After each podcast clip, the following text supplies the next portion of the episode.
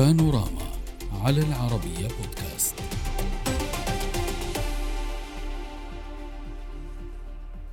بعد القارة السمراء رئيس الفرنسي ماكرون يتجه إلى الصين ضمن سياسة جديدة. هدفها بناء علاقات اقتصادية قوية ومواجهة التحديات الدولية أبرزها الحرب في أوكرانيا.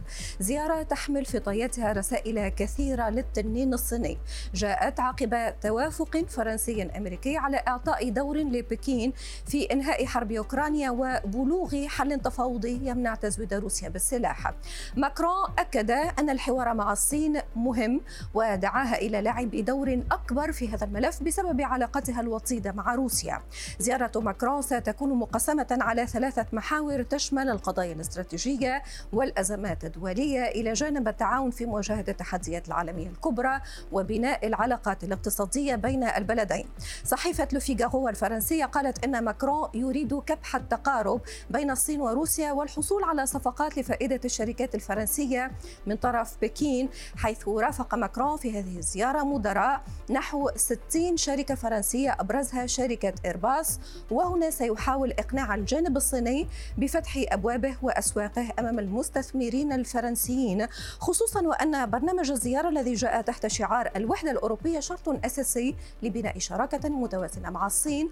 هدفه دفع وتيرة الاستثمار وتعزيز المبادلات التجارية مع الاتحاد الأوروبي.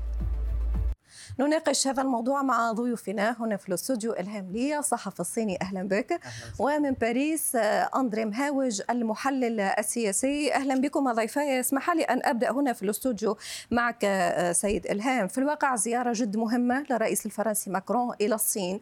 ونشير إلى انه الأزمة في أوكرانيا آه، كانت ثقيلة على الاقتصاد الأوروبي عموما والفرنسي بشكل خاص.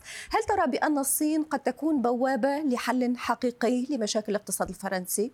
نعم في الحقيقة يعني باعتبار الصين شريك مهم لروسيا وأيضا شريك مهم لكل من فرنسا وأيضا الاتحاد الأوروبي. أعتقد هناك دور كبير بالنسبة للصين لحل الأزمة الأوكرانية. لكن على أساس هناك تفاهم مشترك من قبل الولايات المتحدة والدول الغربيه وخاصة يعني لتخلي الولايات المتحدة عن موقف عدم ثقة للدور الصيني في حل هذه الأزمة.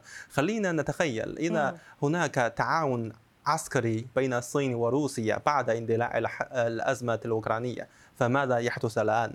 أكيد هناك الحرب واسع نطاق وحتى أزمة العالمية لكن الآن ما زال أزمة الأوكرانية أزمة إقليمية أو نقول يعني آه، أزمة عالمية ولكن بشدة قليلة جدا هذا الفضل يعود إلى موقف الصين لعدم تقديم الدعم العسكري لروسيا بشكل مباشر صحيح هذا ملف ثاني نعم. ولكن لما صحيح. تقول سيد إلهام بأن الصين قد تكون الحل آه، الحل كيف قبل أن أذهب إلى باريس مع ضيفي الحل من خلال آه، إمكانية طرح وساطة وأن تتعامل فرنسا معها بأكثر ليونة في ما يخص هذه الوساطة أو من خلال الاستثمارات التجارية والاقتصادية.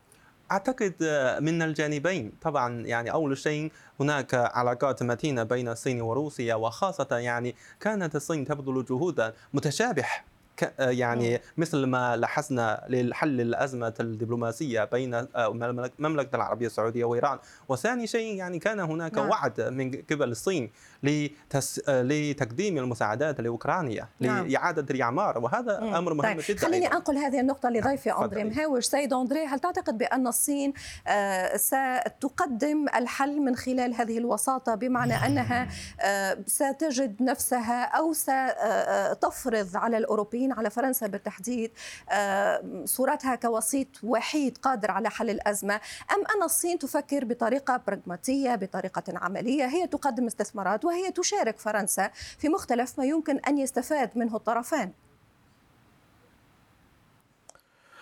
نعم مساء الخير. طبعا بالنسبة للوضع الراهن اليوم يعني بتحدث مع كنت تتحدثين مع مع الضيف عن طبيعة الأزمة الحالية في أوكرانيا. هل هي أزمة إقليمية محلية أو دولية؟ الأزمة هي أزمة تدور على أرض أوروبية بين افرقاء أوروبيين مباشرة ولكن أبعادها الجيوسياسية والاقتصادية طبعا ولكن بشكل أساسي تقاسم النفوس في العالم وإعادة بناء نظام دولي جديد له أبعاد دولية شاملة وعامة والصراع هو بشكل مباشر بين قوتين أساسيتين حكمتا العالم أو شكلتا القطب قطبين. قطبين اساسيين العالم الولايات المتحدة الأمريكية وزمن الاتحاد السوفيتي وبعد الان روسيا. لذلك الصين هي قوة صاعدة تريد أن تحتل مكان لها بالدرجة الأولى بين هذين القطبين لتكون هي ربما قطب ثالث. صحيح. ولا ولكن تكون اسمح طبعا الصين لن ترضى أن تكون في ظل أي من القطبين. صحيح. دور ولكن الصين فيما الآن حضرتك لو عفواً. سمحت لي فقط اسمح لي فقط على المقاطعة للتفاعل مع حضرتك. فيما حضرتك تعتبرها قوة صاعدة الرئيس ماكرون يعتبر بانه الحل يمكن أن يأتي من الصين. واسمح لي أن نستذكر ما قاله ماكرون خلال آه، هذا التصريح. الرئيس الفرنسي إيمانويل ماكرون يقول بأن الصين قد تمثل هي الحل الحقيقي. نستمع له ونعود. لقد أثرت الحرب التي قادتها روسيا في أوكرانيا بشكل عميق على النظام الدولي الذي عرفناه منذ عام 1945 هذه الحرب انتهكت العديد من مبادئ ميثاق الأمم المتحدة والتي يجب علينا الدفاع عنها بحزم. يمكن للصين على وجه التحديد أن تلعب دورا رئيسيا في حلها. سيد أندري الرئيس ماكرون يقول بوضوح يمكن للصين أن تمثل حلا رئيسيا أو طرفا رئيسيا لإيجاد آه، حل. آه، ما مدى آه، قوة الصين لطرح هكذا حل؟ وما مدى إيمان فرنسا كذلك بأن الصين قادرة على فعل ذلك؟ الكلام كان واضح في الاتصال الهاتفي بين الرئيس إيمانويل ماكرون والرئيس الأمريكي جو بايدن قبل زيارة الصين. الطرفان أكدا على أن تكون المبادرة أو الدور الصيني أو تكون الصين شريكة ضمن إطار الأفق أو النظرة أو الرؤية آه، آه، التي وضعها الرئيسان من أجل حل مشكلة الصين أي أن تتوافق الصين مع رؤيتهما ومع شروطهما الشروط الأوروبية والأمريكية واضحة في أوكرانيا بالنسبة لمستقبل أوكرانيا وم- ومستقبل النفوس في المنطقة. الرئيس الصيني لديه مبادرة. هذه المبادرة حتى الآن لم تشق طريقها نحو التنفيذ لأن لدى الرئيس الأوكراني بعض التحفظات عليها. وأوروبا وتحديدا الولايات المتحدة الأمريكية تقف إلى جانبه. إذا المبتغى أو المرتجى الأساسي من هذه الزيارة كما أعلن عدة مرات هو الحقول دون إقدام الصين على الوقوف بشكل آه، يعني أكثر دعم لروسيا بالأخص من خلال تقديم السلاح. الأكيد أن الصين لن تقدم على هذه الخطوة لأنها لن تحرق أوراقها. استطاعت حتى الآن أن تكون في مرحلة وسط طرفان بحاجة إليها. ولكن الصين تريد أن تكون هي البديل ربما في المستقبل. صحيح.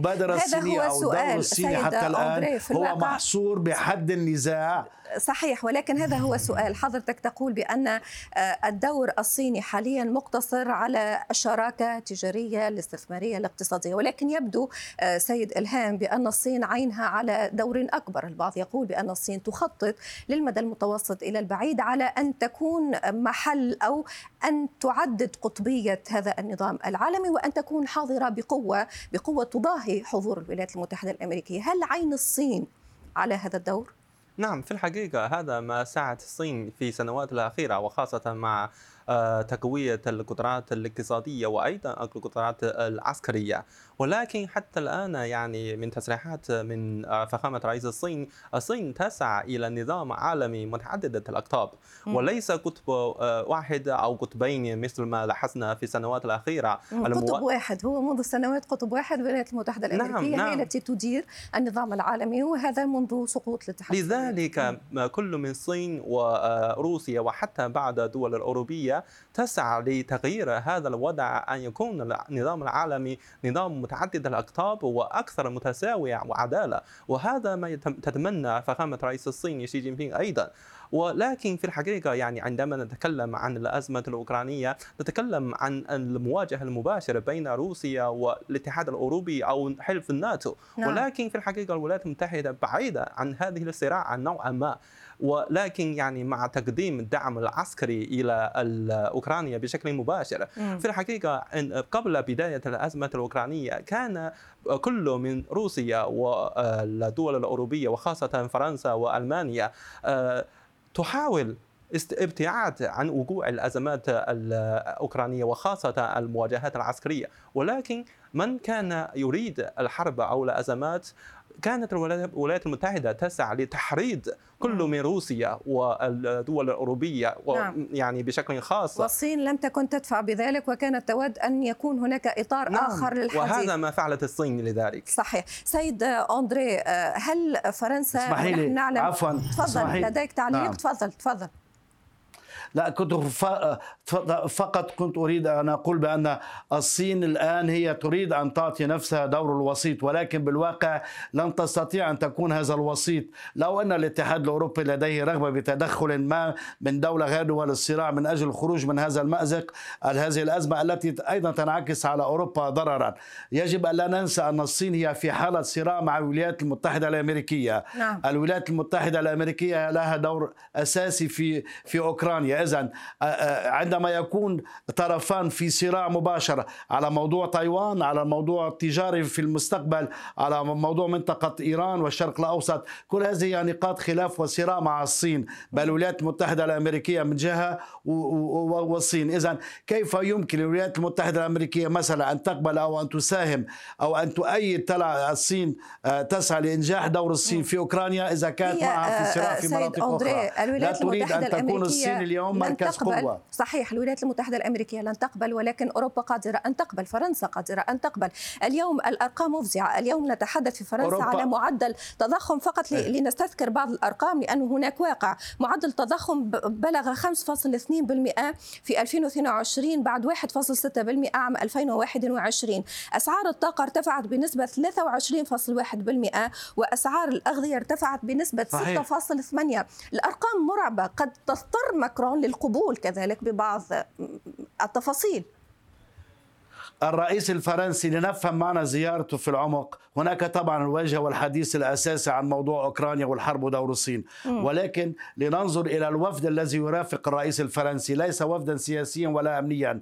لديه وفد من رجال أعمال ومدراء شركاء من حوالي 40 آه، شركة فرنسية. في مجال الطيران تعاون في مجال الطيران إيرباس مثلا. إيرباس، في. مجال الطاقة والطاقة النووية والنظيفة. في مجال البيئة في كل هذه الإطارات. يسعى الرئيس الأمري- الفرنسي من خلال هذه الزيارة هناك حديث طبعا عن أوكرانيا عن حقوق الإنسان عن منطقة الشرق الأوسط عن كل قضايا العالم طبعا نعم. ولكن الهدف الأساسي الذي يريد ماكرون أن يحققه هو التوقيع على هذه الاتفاقات. صحيح. التبادل التجاري بين الصين بين الصين و- بالنسبة و-. وفرنسا ارتفع صحيح اسمح لي على المقاطعة وأعذرني ارتفع من والأكيد 60 بأننا مليار في العام في 2018. لقاءات أخرى ولكن سيد أندري التوقيت انتهى تماما سامحني وأعذرني نلتقي في لقاءات أخرى. شكرا جزيلا لك على الحضور وعلى المشاركة من باريس أندري مهاوج المحلل السياسي. شكرا والمعذرة مرة أخرى. وفي الأستوديو إلهام لي صحفي الصيني. شكرا لكما. السلام عليكم.